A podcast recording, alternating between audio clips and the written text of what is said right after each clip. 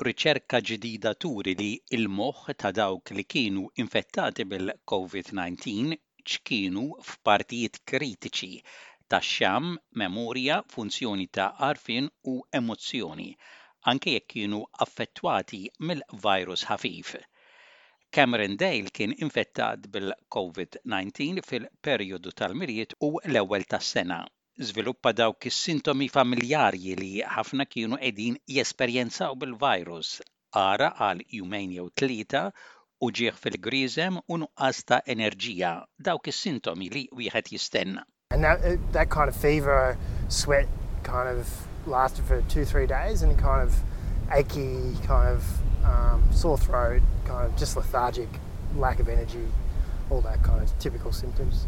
Imma dak li ssorprenda lil dan iż-żagħżugħ ta' 33 sena kien li moħħu għadu mhux ċar wara aktar minn xahrejn. Diffiċli fil-konċentrazzjoni tal-ħsibijiet u jinsa x'ikun qed jagħmel.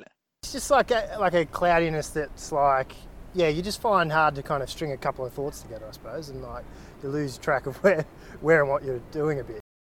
u dan joħloq sfida għal xi ħadd bħal Cameron li jħobb jaqra, anke biex jaqra paġna waħda jsibha diffiċli. I used to read a lot and that's one thing I struggled to just pick up a book and maintain that kind of concentration to just get through a page and then a, a chapter kind of thing and, and just general concentration with like you know remembering what, what you're doing when you get up. Il-Professur Ashley Bush mill-Istitut Florey ta' Newroxjenza u s-Saħħa Mentali f'Melbourne jgħid li Dan l-istudju fir-Renju Unit huwa importanti u jikkonferma dak li kien issuspettat. Jgħid li dawk li jiżviluppaw il-Covid moħħhom ibati aktar biex jikkonċentraw minn dawk li ma jkunux ittieħdu mill-virus. għalhekk hemm ċertu effett fuq il-moħħ kaġun ta' l-infezzjoni tal-virus tal-COVID. Uh, people who had developed COVID in the period actually performed cognitively more poorly compared to people who did not have COVID. So there actually was some impairment of their brain function as a result of this infection. Waqt li l-Professur Bush jgħid li l-impatt tal-Covid fuq il-moħħ huwa żgħir, huwa simili tal-mard li s-soltu jaffettwa l-anzjani bħal l-Alzheimer's u l-Parkinson's.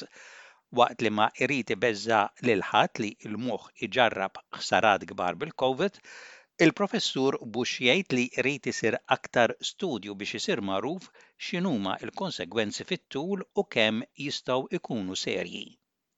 I don't, I don't want to scare people into thinking that the brain is severely damaged by, by COVID. It has an impact. Uh, the, the size of the damage was actually relatively small.